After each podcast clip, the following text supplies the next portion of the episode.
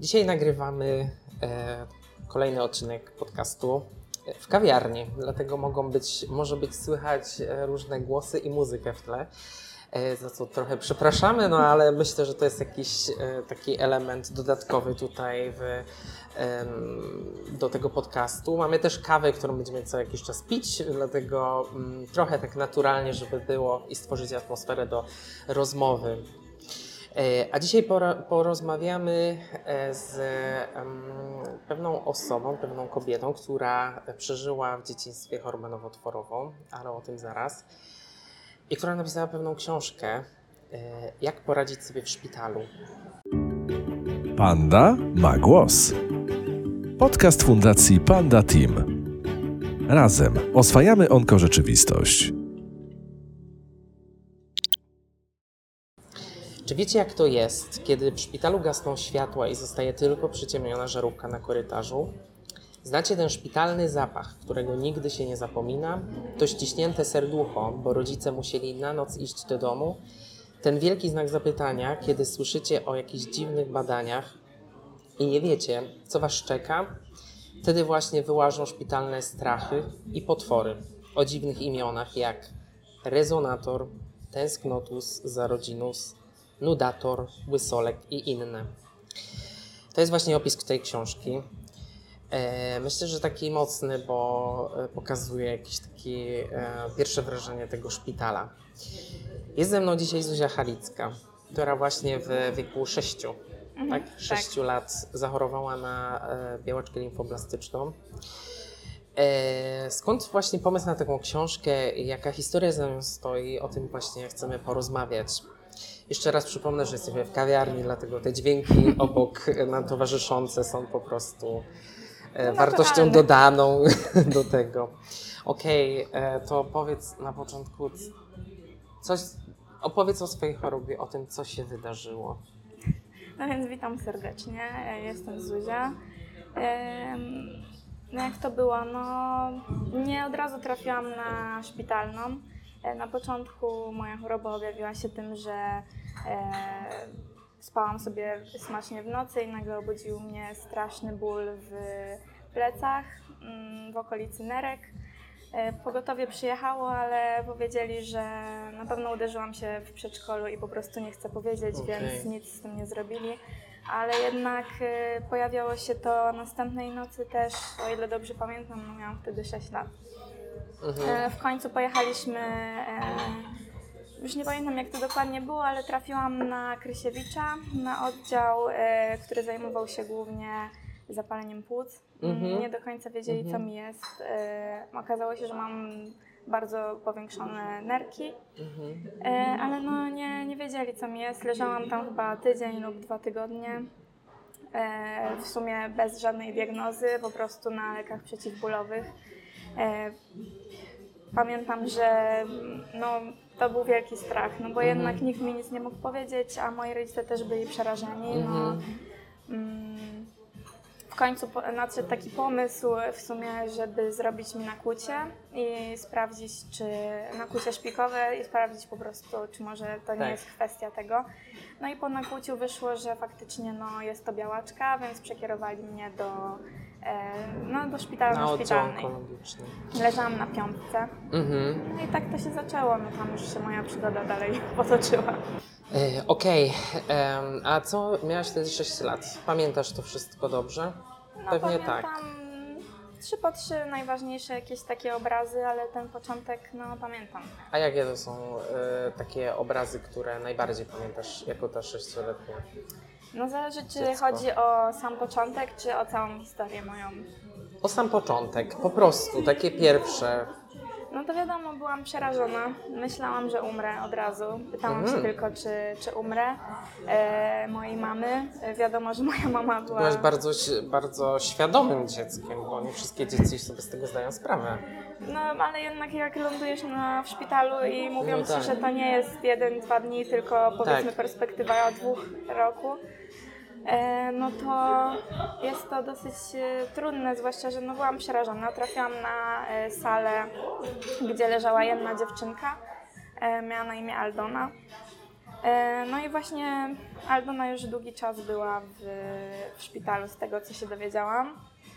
E, Leżałam z nią na sali, ja leżałam przy oknie, ona leżała Mhm. na środku, a ona akurat wychodziła na przepustkę. No i chyba poro- no, z tego co pamiętam, to moja mama porozmawiała z jej mamą, oni już sobie poszli, no i na tym mi się urywa ten pierwszy, jakiś Okej. taki, pierwsze to wspomnienie. Później pamiętam, że, oj przepraszam, po kilku dniach albo nawet następnego dnia to są takie No, wspomnienia, które mi się jasne. trochę motają w głowie.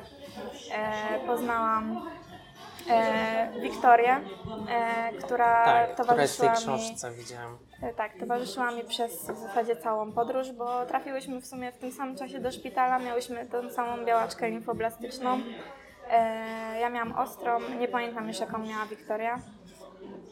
E, z tą różnicą, że Wiktoria miała przeszczep szpikowy, ja nie miałam.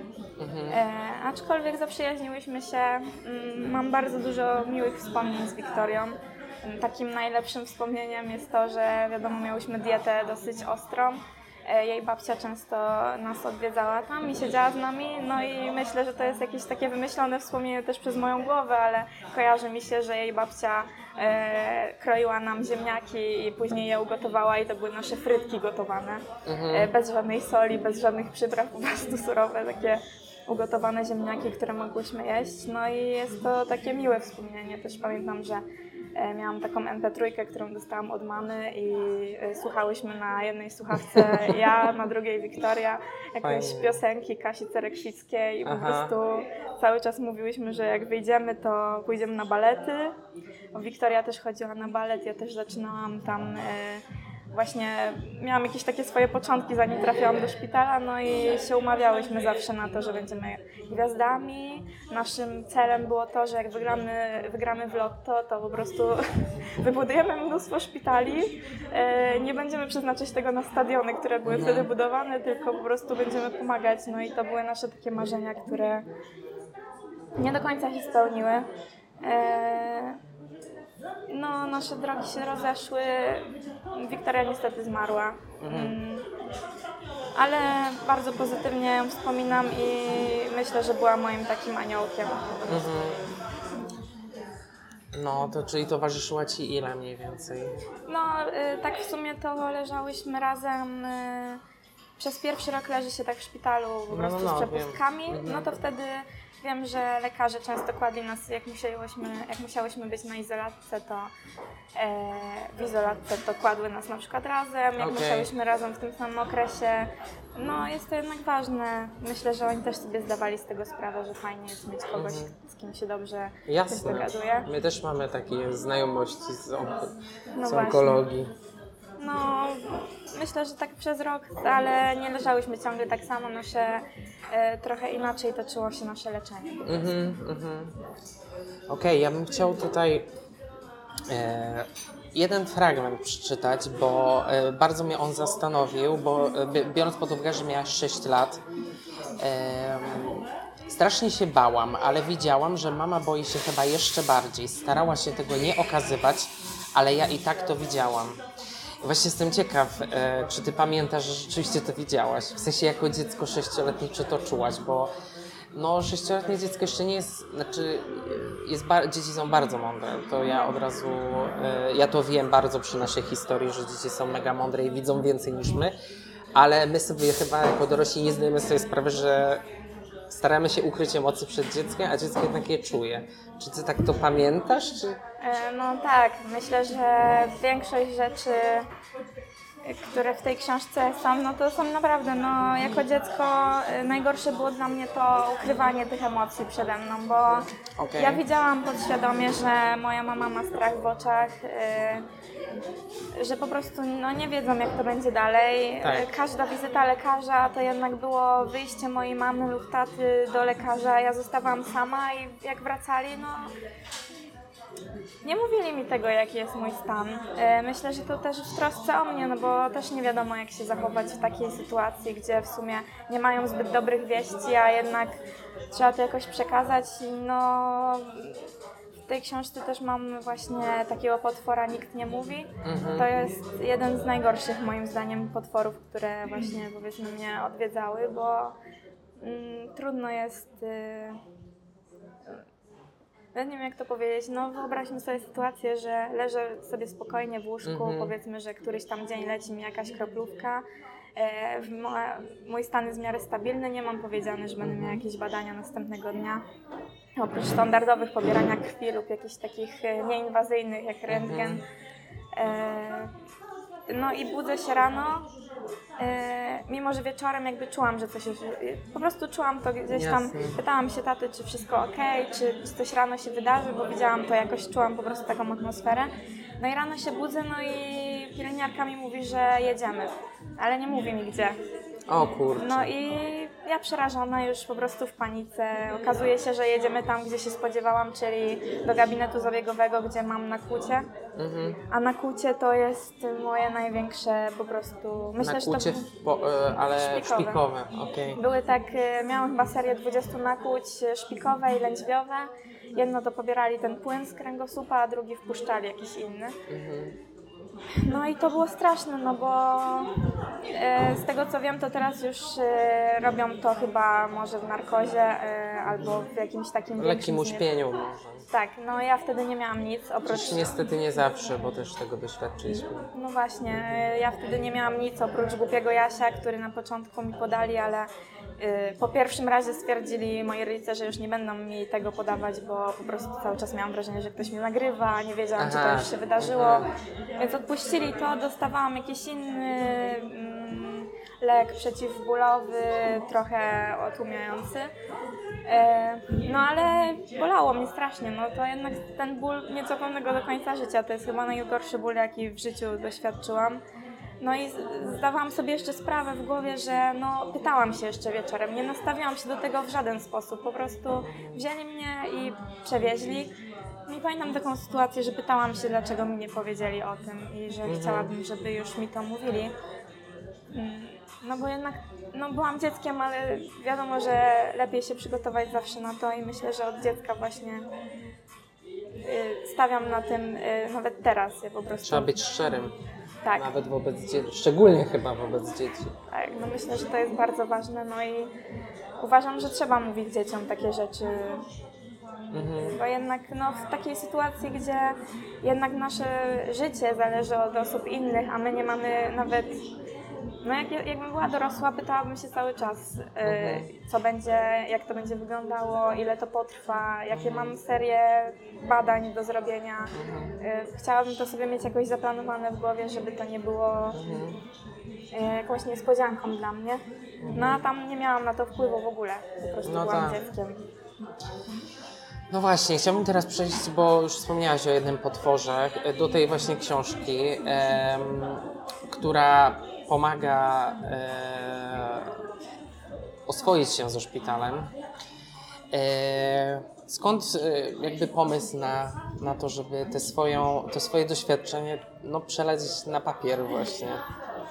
No, myślę, że. Mm, o, już nie pamiętam, w którym to było momencie, ale jak już chyba po roku e, zaczęłam spotykać się z taką psycholożką, która była spoza oddziału, e, bo na nasz szpital był tylko jeden psycholog, co dla mnie jest po prostu nie do zrozumienia, e, bo na naszym oddziale leżało na pewno kilkadziesiąt e, dzieci, a no, szpital jest ogromny na szpitalnej.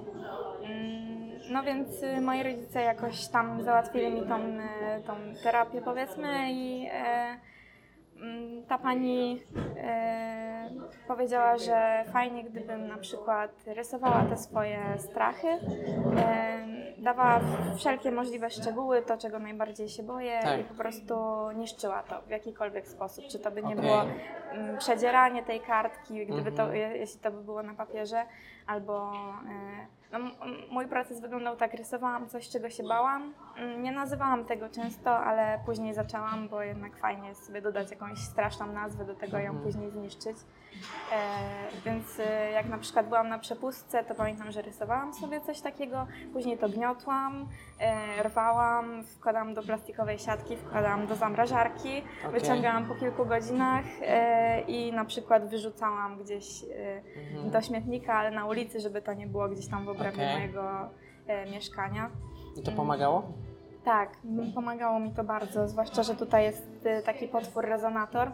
E, bardzo się bałam tego rezonansu, bo wiedziałam, że nie można się ruszać, y, nie można Mhm. kichnąć, co jak mi się zachce siku, co jak będę chciała, nie wiem, odkasznąć, kichnę. Mhm. No, to było dosyć przerażające dla mnie, że przez kilka dziesiąt minut, chyba 20 się Mhm, leży, e, muszę być bez ruchu po prostu w wielkiej rurze, gdzie to jest y, też Bardzo klaustrofobiczne. często się pod narkozą robi, małym dzieciom przynajmniej. No ja nie miałam, więc... Znaczy ja mówię o takich małych mał, maluchach, No tak, nie? tak. Może rzeczywiście tych starszych to nie. E, no, przeżyłam. Udało się. Wcześniej narysowałam sobie właśnie tego rezonatora. E, zamroziłam go, spaliłam, wszystko zrobiłam co możliwe. Napisałam wszystkie jakieś takie rzeczy, które mogą mi się przydarzyć. No i przetrwałam bez żadnego drgnięcia, więc Mhm, bardzo mhm. się cieszyłam. Wtedy byłam siebie dumna. I w tej książce opowiadasz o tych wszystkich potworach. No, powiedzmy o tych takich O najważniejszych. tych takich najważniejszych. E, Powiedziałaś już dwa, które takie były naj, najtrudniejsze, czyli ten, że e, musisz mi przypomnieć, nikt nie mówi, tak? Nikt nie mówi, rezonator. I rezonator, czy jeszcze któryś taki, który... No tak naprawdę e, ten rezonator jest najbardziej śmieszny moim zdaniem, a jeśli chodzi o takie bardzo, które mnie po prostu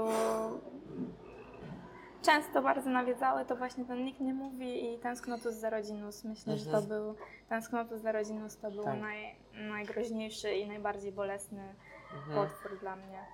Panda Team. Razem oswajamy onkorzeczywistość. Z jakimś najbardziej tęskniłaś tej, z tej rodziny? Miałaś coś takiej jakiś... Mm, No tak, mój brat urodził się we wrześniu e, 2007 roku, a ja zachorowałam e, w grudniu tego samego Okej. roku.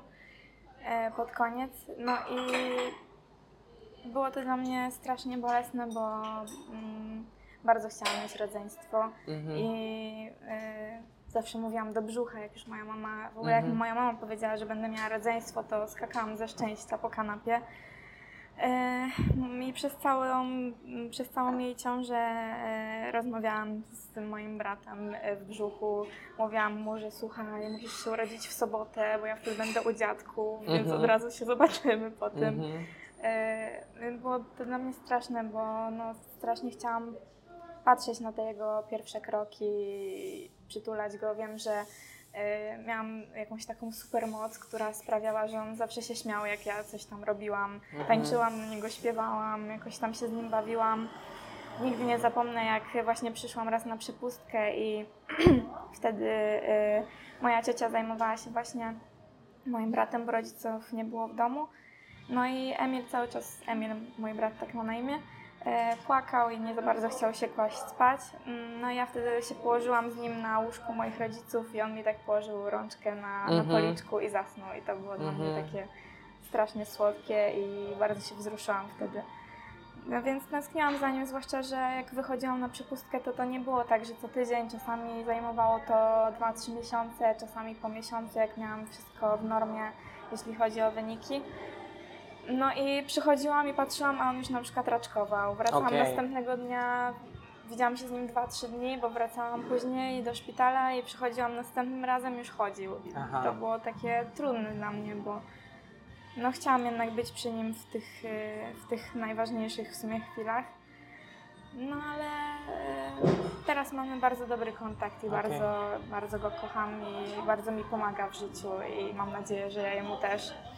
A jeśli chodzi o inne osoby, no to tęskniłam też bardzo za tatą. W jednym momencie uratował mi w sumie życie, bo miałam wstrząs anafilaktyczny.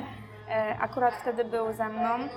Przetaczali mi krew, podali mi e, e, lek przeciwgorączkowy, bo akurat gorączkę miałam. Mhm. Mm, No i dostałam ten wstrząs, y, przestałam widzieć, y, zaczęłam mówić tacie, że, że nic nie widzę, że wszystko, wszystko mnie zaczęło boleć, wszystkie mam wrażenie, że narządy mi przestały działać w tamtym momencie. I myślę, że gdyby nie on, to nie wiem, czy zdążyłabym nacisnąć ten guzik i wezwać pielęgniarkę, żeby mi pomogła. Pamiętam, że y, przybiegła, przybiegła lekarka od razu, szukali mi maski tlenowej, żeby mi podać, ale Mhm. miałam tak małą główkę, że nie mogli znaleźć odpowiedniej maski, więc przez taką No. rurkę to oddychałam. E, No i mój tata, który mówił mi, że, Zuzia, Zuzia, nie, nie śpi. Głównym jego zadaniem było to, żeby nie zasnęła. E, No i pamiętam, że wtedy miałam taki moment, że już chciałam po prostu zasnąć. No i nie wiem, czy gdyby. Myślę, że gdyby go nie było, to pewnie bym zasnęła. Tęskniłam za nim też bardzo. No i za moją babcią, która specjalnie dla mnie, mam wrażenie, przeprowadziła się z Koszalina do Poznania, Mhm. żeby właśnie wspierać nas trochę w tym. Mhm. E, No więc, ale często mnie też odwiedzała, więc w tym Mhm. szpitalu, więc teraz już mamy też taki kontakt, że często się widzimy. Mhm. No i w sumie nie tęskniłam za, za nikim innym, nie miałam wtedy... y, No ja wtedy nie miałam znajomych, miałam 6-7 lat, więc y, Mhm. jedynie za tym mogłam tęsknić to za tym, że e, akurat jak miałam przejść do starszej grupy, to mieli zacząć y, używać noża, a Mhm. ja jeszcze w tych poprzednich grupach nie mogłam używać noża, jeśli chodzi o smarowanie kanapek na przykład, więc za tym tęskniłam, trochę byłam zła na to. No, no, no. E, odnośnie książki jeszcze. Tytuł jest Jak poradzić sobie w szpitalu. To jakbyś. E, to powiedz, jak sobie poradzisz w szpitalu. Nie- No jest to dosyć Bo jest to bardzo trudne pytanie. No jest to trudne, bo weźmy pod uwagę to, że ja napisałam jak poradzić sobie w szpitalu, ale nie z tym jak poradzić sobie z chorobą. To jest z- zupełnie dwa różne tematy. Tak. No i e, tak naprawdę nie ma jednego przepisu na to, jak sobie poradzić w tym szpitalu. Ta książka, ja ją pisałam e, no, jako dziecko. Większość tego tekstu to jest e, stworzone po prostu jak ja faktycznie tam leżałam. Wszystkie Mhm. obrazki, które narysowałam są stworzone w szpitalu. E, Wtedy, kiedy leżałam w izolatce i, i tak dalej.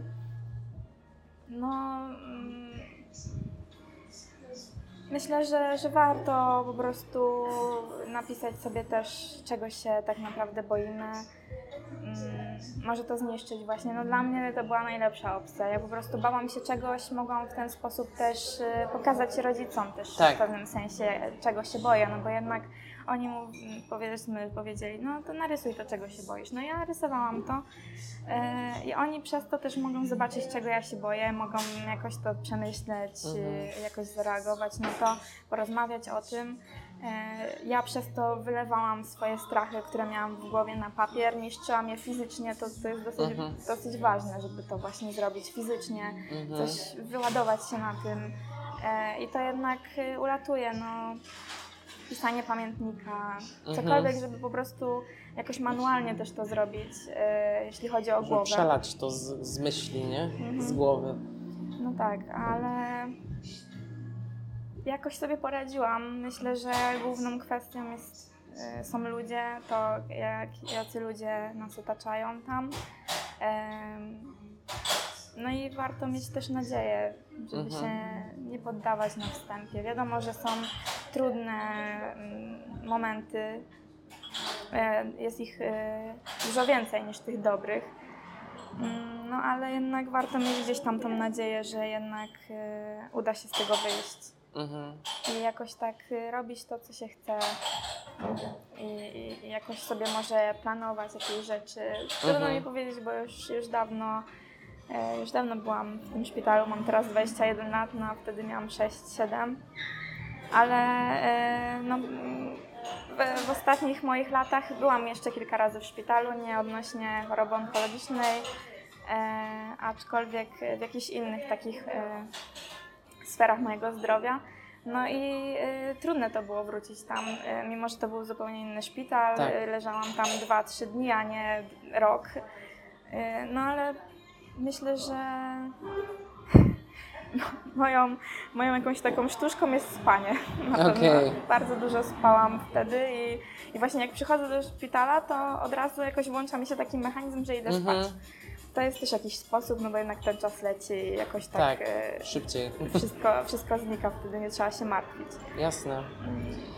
Myślę, że nie ma jednego sposobu na to. No ja w tej książce mówię głównie o tym właśnie, na przykład jak e, rodzice idą do domu, no to napisałam tam, że ja miałam taką chustkę od mojej mamy, którą, która nią pachniała po prostu. Moi rodzice Ale mi czekaj, zostawali. bo czyli z tobą nie, mogło, nie mógł być rodzic? Nie rozumiem tego trochę. E, Nie, to mm, wyglądało tak, że na szpitalnej można było zostawać w nocy y, z dzieckiem.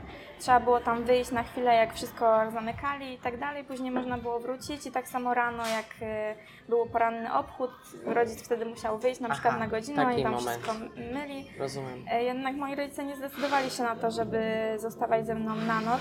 E, Po pierwsze dlatego, Że był Emil. Po drugie dlatego, że nie było tam żadnego pomieszczenia dla rodziców, gdzie mogliby się przespać. Trzeba było siedzieć po prostu na krześle. Przez się nie zmieniło od tamtego czasu. No właśnie. Chociaż całe szczęście zaraz się zmieni. E, No, nie było żadnych materacji, nie można było się nawet położyć na łóżku z dzieckiem, Mhm. żeby je jakoś tam przytulić. Mhm. E, No i też kwestia tego, że jak y, z Wiktorią leżałam na, e, na sali, mm, to jej rodzice zostawali w nocy, więc Aha. jak była ta opieka, często było tak, że na jedną salę jeden rodzic zostawał, więc e, gdyby coś się działo, nie, nie zawsze oczywiście, to nie było tak, że codziennie, ale często było tak, że jednak ktoś zostawał, no i e, nie było to potrzebne e, właśnie, żeby moi rodzice zostawali, aczkolwiek no wiadomo, było mi smutno, zwłaszcza jak na izolatce, w izolatce leżałam, to, No tak. mm, to wtedy nie było nikogo jednak przy mnie i ta chustka mojej mamy, która nią pachniała, dużo mi dawała, mogłam wtedy trochę spokojniej spać też. Mhm, mhm. I e, tą książkę stworzyłaś e, 10 lat po wszystkim. No wydałam ją mm, w tym, e, w tym okresie właśnie. Tak. I też chyba, e, czyli musiałaś wrócić do pewnych emocji, pewnych doświadczeń. Mhm. E, I też e, chyba odwiedziłaś e, oddział, tak? Tak, tak. Jak, Jakie były to emocje, gdy weszłaś tam? No po pierwsze, że nic się nie zmieniło. Okej. Te same To ściany, nie fajne. ten sam No. zapach. Nie wchodziłam do sal, nie wiem jak to tam wygląda, ale jednak e, no, wyglądało to dokładnie tak samo jak ja tam przychodziłam. E, Na pewno sprzęt się zmienił, no bo Mhm. jednak e, dużo się zmieniło od, od tamtego czasu.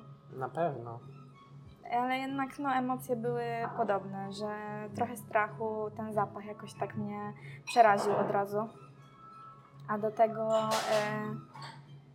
no, wszystkie wspomnienia mi wróciły wtedy, po prostu Okej. idąc po tych schodach tam, wchodząc na ten oddział. Oczywiście wchodziłam na innych warunkach, w końcu mogłam zobaczyć jak wygląda tam kuchnia, to pomieszczenie Mhm, takie, gdzie rodzice mhm. mogli sobie zrobić herbatę. Y, Fajnie było to zobaczyć, ale mm, no było to dosyć e, trudne po prostu. E, Ja wtedy przyniosłam te książki i, i przeczytałam całą tą książkę. Ten, kto mógł wyjść z sali, to, e, to siedzieli sobie na krzesełkach takich Okej. i po prostu mnie słuchali. Moi rodzice też mogli wtedy porozmawiać z rodzicami e, innych dzieci. No, było to, było to trudne po prostu, ale gdy zobaczyłaś znowu te takie dzieci, które jakby są na Twoim miejscu, e, no te łyse dzieci w większości, Mm. to co pomyślałaś wtedy?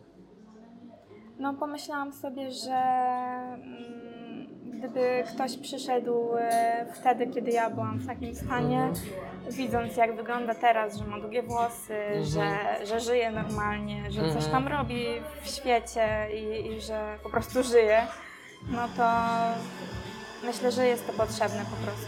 Ja też Mhm. nie szłam tam z myślą, że pomogę im wszystkim, że ta książka, y, dam każdemu książkę, coś tam napiszę i, i że wszyscy będą jej, jej, super, no Tak, to teraz na no pewno nam tak. się uda, super, że przyszła jakaś Zuzka, nie wiadomo Mhm. skąd. Tylko bardziej chciałam też pokazać, y, że, że da się z tego wyjść i myślę, Mhm. że fajnie jest też dać y, tą nadzieję po prostu. Mhm. A co byś powiedziała takim rodzicom, którzy słyszą diagnozę i, i Trudno mi powiedzieć, bo ja nie jestem takim rodzicem. Myślę, że tak, trzeba ale masz tą perspektywę dziecka, czyli e, no ja mogę się tylko domyśleć, co moje dziecko czuło i, i myślało, nie? Jakby nie, nie wypowiedział tego nigdy. No myślę, że najważniejsze to nie, jakoś nie zamykać się na to dziecko, nie myśleć sobie, Mhm. że, że to jest już koniec, tylko bardziej em, myślę, że najważniejsze jest po pierwsze mówić prawdę, po drugie e, być z nim i e, zachowywać się wbrew pozorom no, w miarę normalnie, tak jakby nic się nie zmieniło. Wiadomo, że to nie jest łatwe, no bo warunki są inne, inaczej to wszystko Mhm. wygląda, Ale jednak fajnie jest robić jakieś takie rzeczy, które robiło się też na przykład w domu. Mhm. Nie wiem, czytanie, czytanie bajek, opowiadanie bajek, oglądanie filmów, y, granie w jakieś gry planszowe. mm, Rzeczy, które się robiło, jak było się po prostu y, na wolności, powiedzmy. Okej. I to jest moim zdaniem ważne, bo no bo nagle robienie się po prostu bycie chłodnym i, i tak jakoś się odcinanie od tego nie jest, y, nie jest dobre też dla tego dziecka. Z drugiej strony trudno mi jest powiedzieć, jak mają się zachować, bo myślę, że pierwsze co, to bym poszła na terapię po prostu, jakbym była takim Okej. rodzicem, żeby mm, radzić sobie głównie samemu ze sobą, Tak. bo przez to, że jakby będziemy mieli to my poukładane, to będzie łatwiej temu dziecku to wszystko tłumaczyć. To jest tak Mhm. samo jak w samolocie. Najpierw Tak, jak to wypada zawsze maska, to no najpierw ratujesz siebie, a później dopiero Tak. dziecko, więc y, jeśli chodzi o ratowanie tego dziecka, no są od tego lekarze, tak? Wszyscy Mhm. zajmują się tym dzieckiem, nie mamy na to wpływu jako rodzice, co jakby będzie dalej. Mhm. No i myślę, że właśnie to jest najważniejsze, żeby najpierw uporządkować sobie wszystko samemu ze sobą, bo to jednak jest e, moim zdaniem straszna trauma dla, Mhm. dla rodzica patrzeć na to, jak dziecko mm, trochę, trochę umiera na Twoich oczach, a trochę się śmieje. Trudne, trudne to są emocje Mhm. na pewno. Mhm, mhm. Em, jeszcze tak sobie myślę e, o tym właśnie, co powiedziałaś, że e, no też musiałaś mieć dużą odwagę, żeby tam wrócić do tego, tak. na ten oddział. No, Ale wiesz, to nie jest tak, że ja mam jakiś temat tabu odnośnie tej choroby. E, Przez większą ilość czasu myślałam, że to jest dla mnie jakiś taki trochę dar, że to miałam, e, że, w sensie, że byłam chora. No właśnie, jak dzisiaj do tego podchodzisz, będąc już dorosłą kobietą, dzisiaj- co, co o tym myślisz? Czy ty ci jakoś, nie wiem, myślisz sobie, a e, wie, wiesz o co chodzi, że na przykład to nie jest problemem, bo zawsze można przecież mieć większe. Nie, Czy, czy w ogóle jakby No to jest dosyć nie odnosisz się e, do tego? Ciekawa historia, bo powiedzmy, że jak wyszłam ze szpitala, to wszyscy mówili ojejku, jaka ty jesteś biedna, jejku, jesteś, jeszcze trochę ci włosy odrastają, trochę coś, Mhm. jesteś taka słabiutka, chudziutka, grubiutka, taka i taka. Wszyscy jakoś tak naokoło mnie traktowali mnie jak jajko.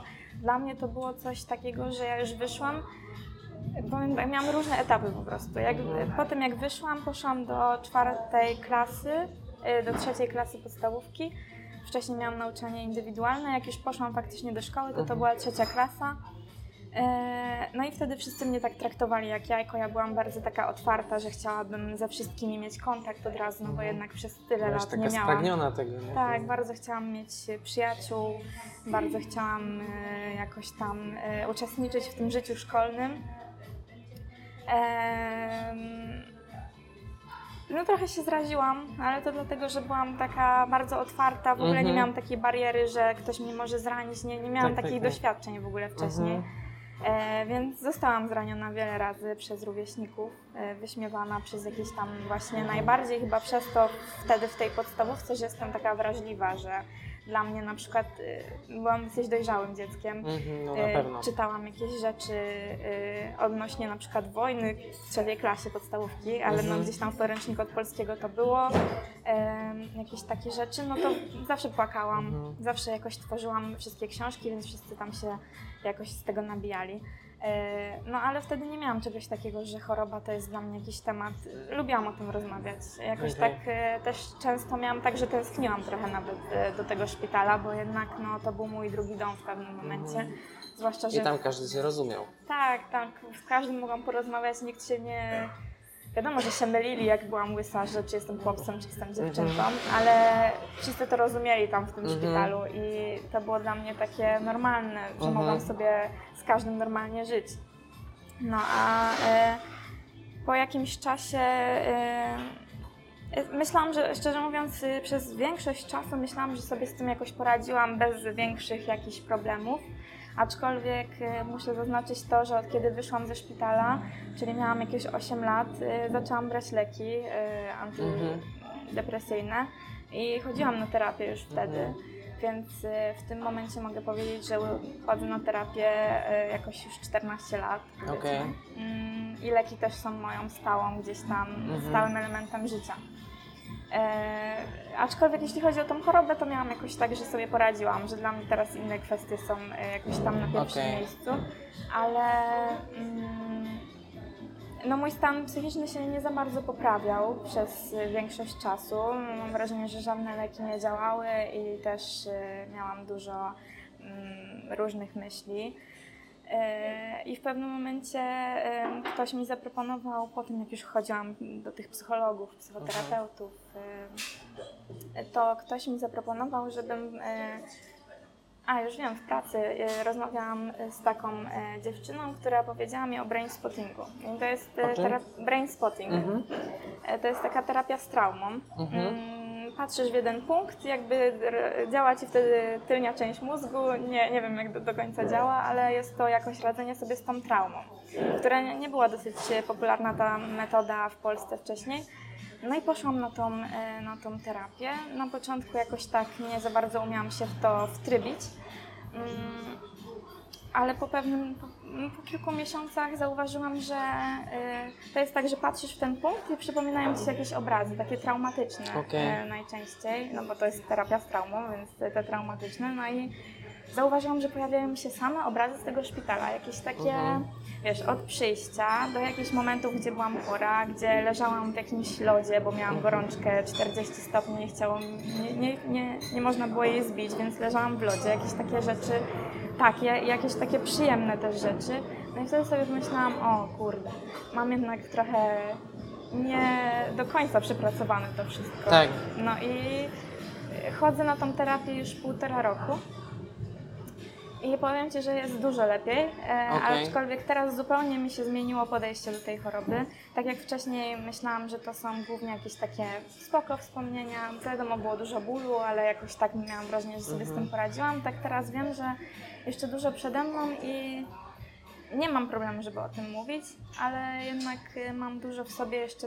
Teraz czuję głównie żal. Y, Okej. Jakoś taki żal, że mm, do takich. Takie głupie to jest, no bo nie miałam na to wpływu, nikt na to nie miał Mhm. wpływu, ale jednak gdzieś tam czuję jakiś y, żal do tego, że, że to się wydarzyło, a z drugiej strony uważam, że to jest najlepsze, co mnie spotkało. Mam takie dwie skrajności, bo jednak myślę, że to mi dało takiego kopa do życia Mhm. generalnie. Nie miałam e, łatwego życia, oprócz tego, że wydarzyła się ta choroba, to miałam e, jeszcze, no mam depresję od tych Mhm. e, kilkunastu lat. Myślę, że miałabym ją nawet gdybym nie była chora. E, Mam teraz problemy też zdrowotne. E, Już miałam wycinanego jednego guza w piersi, teraz w Mhm. listopadzie idę na kolejną operację.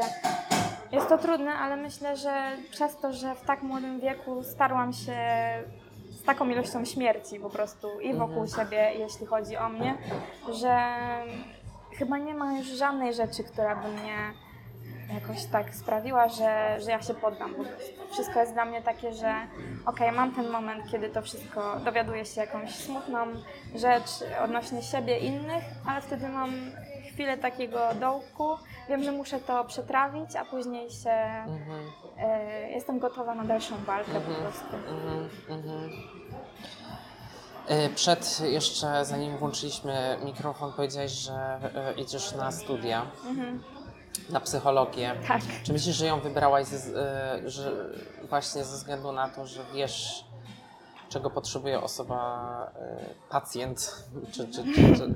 Myślę, że tak. No, ja generalnie y, uważam, że y, już od małego miałam taką myśl, że kurde, dlaczego jest tylko jeden psycholog na cały szpital? No. Jakby to jest nienormalne. A miałam wtedy 6-7 lat, no i wiedziałam, że, że jakoś tam fajnie by było, gdyby przychodził do mnie więcej, ale to nie było możliwe. On spędzał ze mną 10-15 minut Mhm. w ciągu dnia. Nie było miejsca nawet na. To było miejsce bardziej takie, żeby porozmawiać z rodzicami Tak. trochę też bardziej, nie? Spytać się, jak tam u mnie. No i myślałam już wtedy, że po prostu, już wtedy jakaś narodziła mi się taka myśl, że super by było, jakby było tego więcej, że i tak dalej. E, No i przez, przez całe moje życie tak naprawdę myślałam o tym. Też e, trochę miałam taką rolę wśród znajomych, jeśli chodzi o właśnie moich znajomych, taką rolę psychologa trochę, że zawsze wszyscy wiedzieli, że mogą e, mi zaufać, Porozmawiać. mogą Mhm. porozmawiać. Ja też starałam się pomagać jak mogłam. swojego czasu brałam za dużo na siebie, ale później Tak. nauczyłam się też tego nie brać tak bardzo i no i siedzi to we mnie już od dłuższego czasu i zrobiłam Mhm. sobie przerwę dwuletnią, żeby się zastanowić, czy to na pewno to po liceum, ale uważam, że, że tak, że to jest to, co chciałabym robić, bo najbardziej co bym chciała robić w życiu, to pomagać ludziom, a przez moje doświadczenie myślę, że będę po prostu wiarygodna i też Mhm. będzie mi łatwiej wejść w rolę e, pacjenta.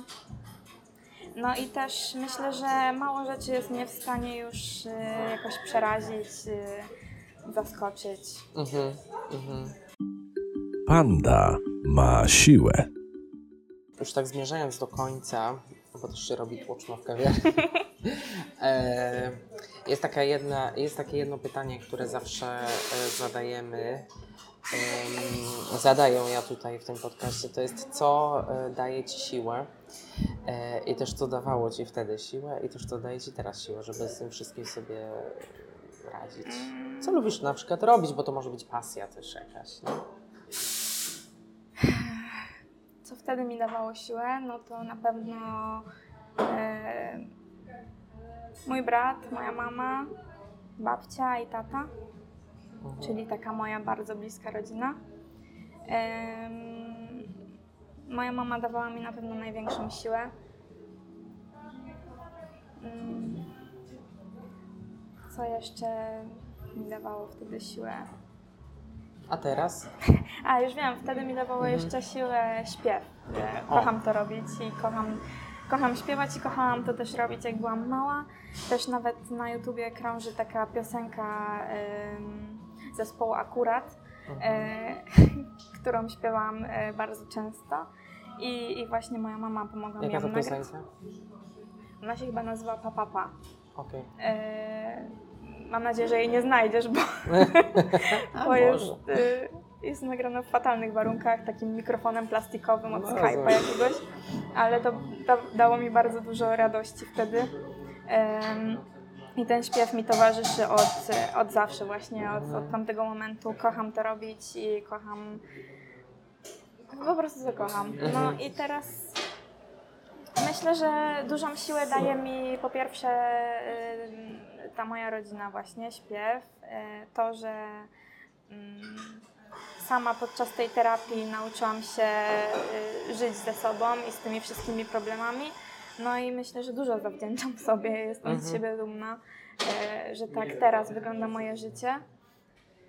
Y, No i myślę, że, że to jest najważniejsze, żeby właśnie też y, odnaleźć trochę siebie i, i żyć w zgodzie ze sobą przede Mhm. wszystkim. To mi Mhm. daje największą siłę. Super. Bardzo Ci dziękuję za tą rozmowę, bo jestem przekonany, że ona da też siłę innym. Bo powiedziałaś rzeczywiście bez owijania w bawełnę, tak jak zapowiadałaś mi przed rozpoczęciem nagrania. y, A to jest bardzo cenne, bo, y, bo masz tą perspektywę, której my rodzice nie mamy, jakby i nie wiemy, co myśli sześcioletnie dziecko, a Ty to pamiętasz i się tym podzieliłaś, to bardzo Ci za to dziękuję. I też dziękuję wszystkim słuchaczom, którzy wysłuchali. Ja też dziękuję bardzo za rozmowę. Tak, e, jeżeli Wam się podobała ta rozmowa, to zapraszamy do tego, żeby udostępniać ją dalej i żeby słuchać więcej tych naszych poprzednich też odcinków podcastu. A jeżeli masz historię, którą byś chciał opowiedzieć lub chciała w podcaście, to zapraszam do kontaktu przez nasze media społecznościowe lub mailowo na kontakt małpapandateam.pl. No i dziękuję jeszcze raz i do usłyszenia. Fundacja Panda Team zaprasza. Posłuchaj pozostałych wydań podcastu, odwiedź naszą stronę, wesprzyj naszą misję i razem z nami oswajaj onko rzeczywistość.